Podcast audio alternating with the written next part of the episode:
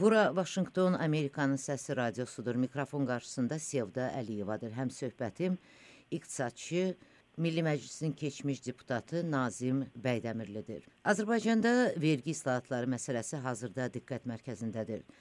Burada korrupsiya ilə mübarizə də nəzərdə tutulur.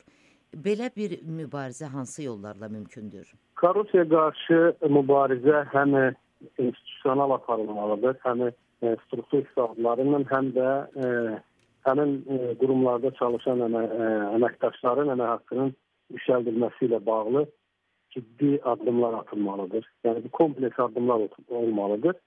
Siz bilirsiniz ki, Azərbaycanda orta əmək haqqı e, çox təəssüf edirəm ki, hətta qonşu dövlətlərdən də aşağı səviyyədədir. E, ortalama 525 manat e, orta əmək haqqıdır.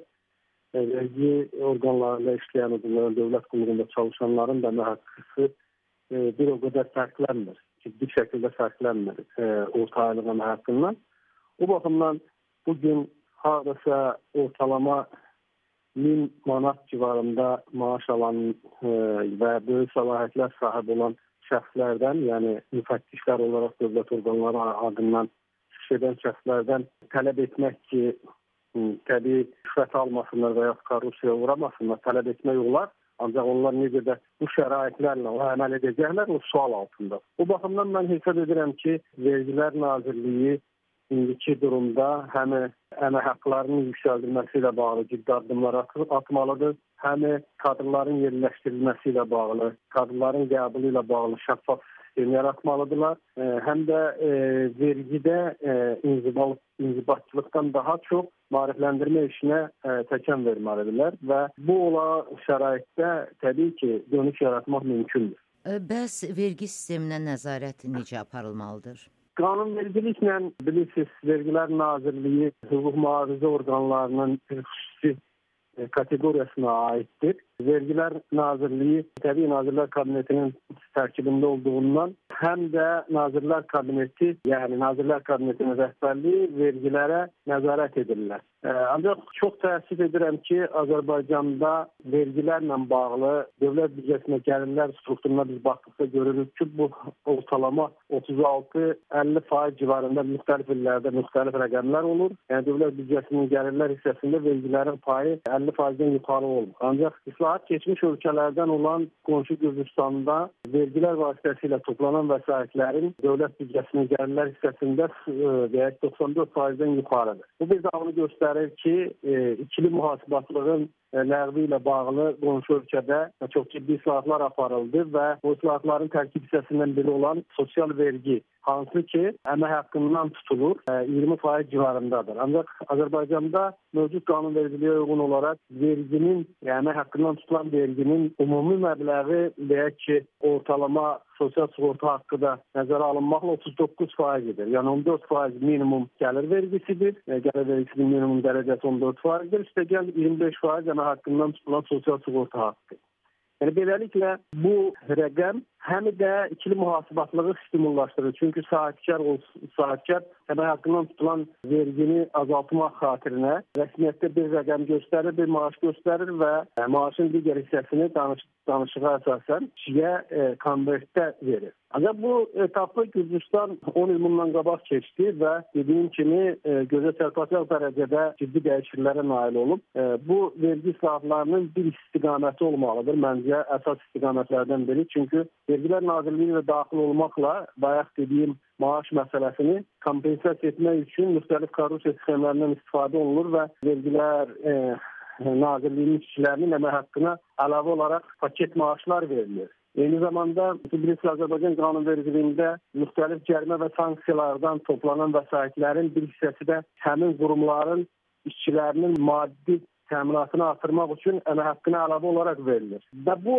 əslində sanksiyaları, cərimələri stimullaşdırır, əsassız yerə cərimələrin tətbiq olunmasını sürətləndirir. Çünki birbaşa vergi müfəttişləri e, maraqlı olurlar ki, nə qədər çox cərimə yazsalar, bir o qədər e, onların əmək haqqına artım olacaq. Yəni bu praktikada məncə hə, Azərbaycanda imtina olunmalıdır və dövlət qulluğunda çalışan o cümlədən vergi əməkdaşlarının da əmək haqqları kifayət qədər yüksəldilməlidir və onlar ə, e, əmək haqqına əlavəni cərimə sanksiyalardan yox, təbii ki, maaşının müqabilində almalıdırlar və onun maaş kimi dövlət büdcəsindən birbaşa verilməli. Belə olan şəraitdə şəffaf fonlar, hansı ki, yəni son çıxışlarında Yeni Vergilər Naziri cənab Mikayıl Cəbbarov bu məsələlərə də toxunub. Yəni əsas olaraq vergi birdən əlavə tələblərin olduğunu dilə gətirib. Bu bir daha onu sübut edir ki, e, Vergilər Nazirliyi xəttində də kifayət qədər qanuna zidd hüquq pozmaları olub və e, vergi ödəyicilərini özlərinə yaxın hesab etdiklərinə daha yumşaq davranıblar, nəinki e, digər kiçik və orta sahibkarlığa.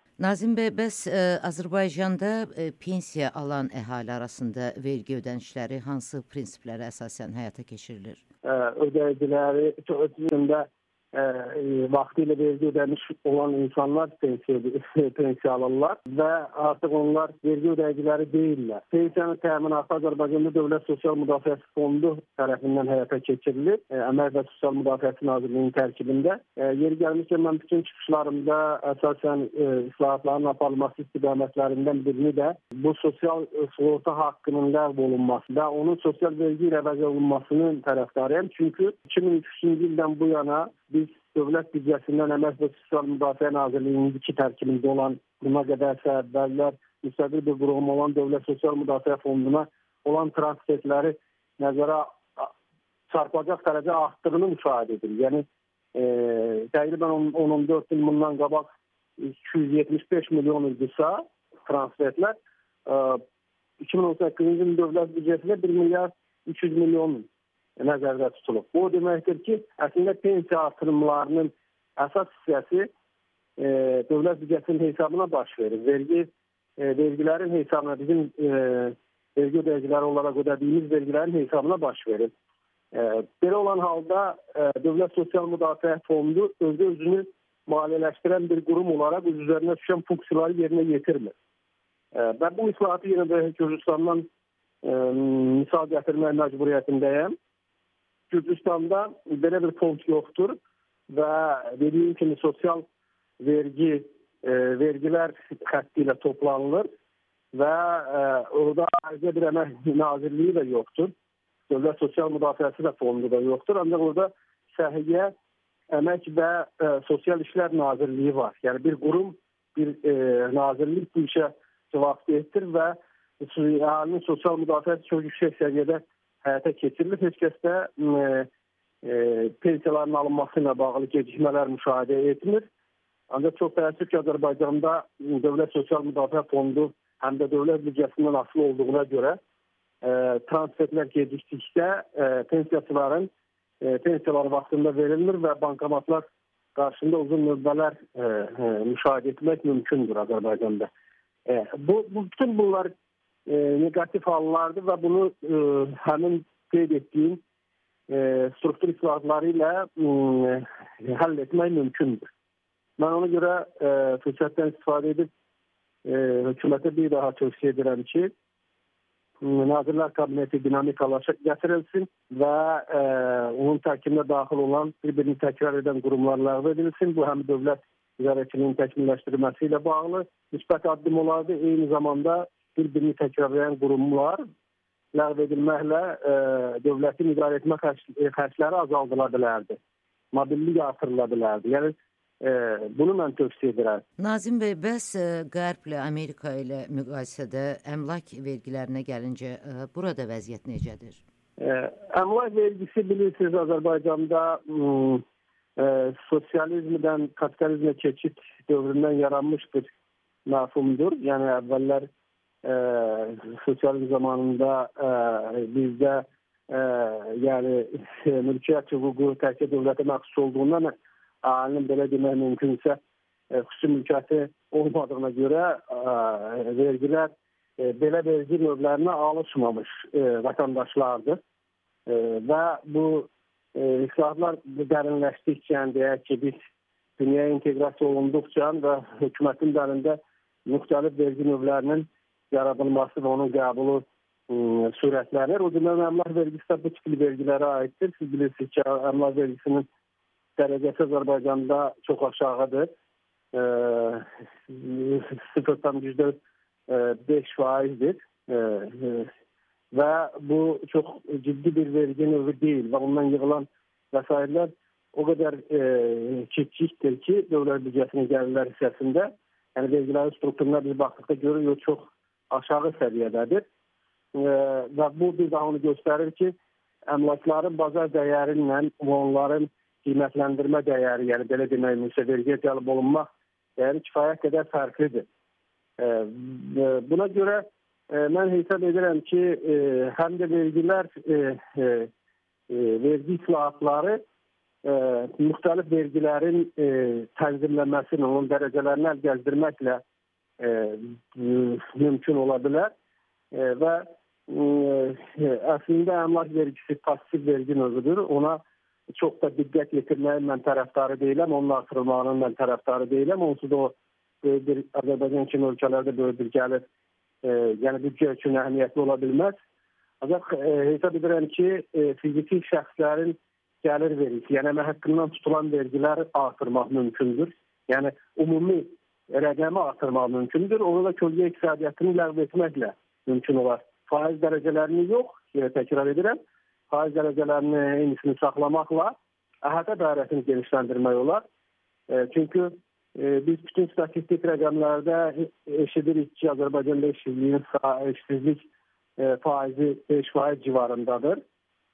Yeri gəlmişən e, iqtisadi inkişaf etmiş ölkələrdə, o cümlədən sizin birləşdiyiniz Amerika Birləşmiş Ştatlarında 9 faiz, 10 faiz olduqda bu e, çox yüksək bir göstərici hesab olunur. Ancaq e, bütün ölkələrin, əksər ölkələrdə 10-12 faiz civarında olur işsizlik faizi.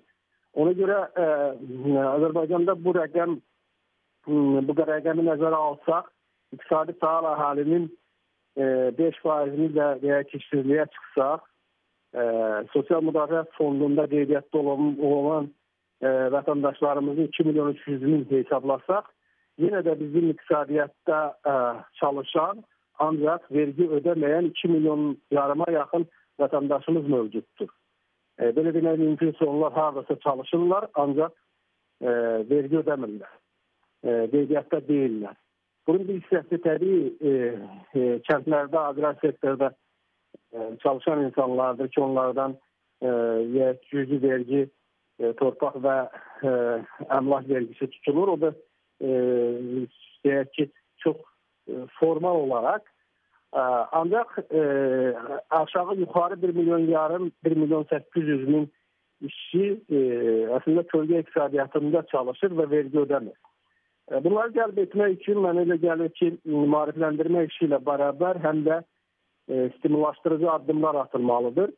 E, verginin e, verilməsi, yəni e, insanlara izah olunmalıdır. E, bunun da kökündə dayanan bu kölgə iqtisadiyyatının çəkilməyin kökündə dayanan ən əsas problem e, insafçılığın olmasıdır, məmur sahibkarlığın olmasıdır. Çünki e, bu və ya digər formada e, e, bu mənfi tendensiyalar Azərbaycan iqtisadiyyatına təsir edir. Ona görə insanlar məcbur olurlar ki, e, deyək, kölgəyə çəkilsinlər. Bizneslərini e, deyək ki, ağlamasınlar, yəni ağartmasınlar, e, reklam etməsinlər. Belə ola, yəni bütün dünyada bütün dünyada reklam e, ticaretin bir lokomotividir. Ancaq Azərbaycanda iş adamları, sahibkarlar e, öz şirkətlərini, öz mallarını, xidmətlərini reklam etməkdən çəkinirlər. Çünki 16-da yuxarı dövlət qurumu var ki, e, sahibkarı yoxlamaq ixtiyarı var e, və bunun bir çoxlarının əksəriyyətini demək olar ki, sahibkarı yoxlamaqda marjinal maraqları ortalığa çıxır və maddi deyək ki, sıxıntılar yaşadırlar sahibkara və sahibkar ona görə məcburdur onsuz da rüşvət verirəm deyərək e, bunu e, dövlət büdcəsinə yox, e, müxtəlif məmurlar vasitəsilə öz işini e, deyək ki, asanlaşdırmaq üçün rüşvət verməyə məcbur olunur. Yəni bu bir çox e, e, dediyim kimi islahatlar aparılmalıdır ki, sahibkar e, dövlətin e, vergi sisteminə güvənsin və e, biznesini genişləndirsin, şaxələndirsin və daha çox vergi ödəsin. E, çünki vergi ödəmək özü bir e, bir vətəndaşın e, bir stimul verici e, işi olmalıdır. Onun qürur verici sahəsi olmalıdır. Ancaq çox təəssüf edirəm ki, Azərbaycanda bəzi insanlar vergidən yayınmağını özünə qəhrəmanlıq hesab edir və bu doğru anlayış deyil mənim fikrimcə.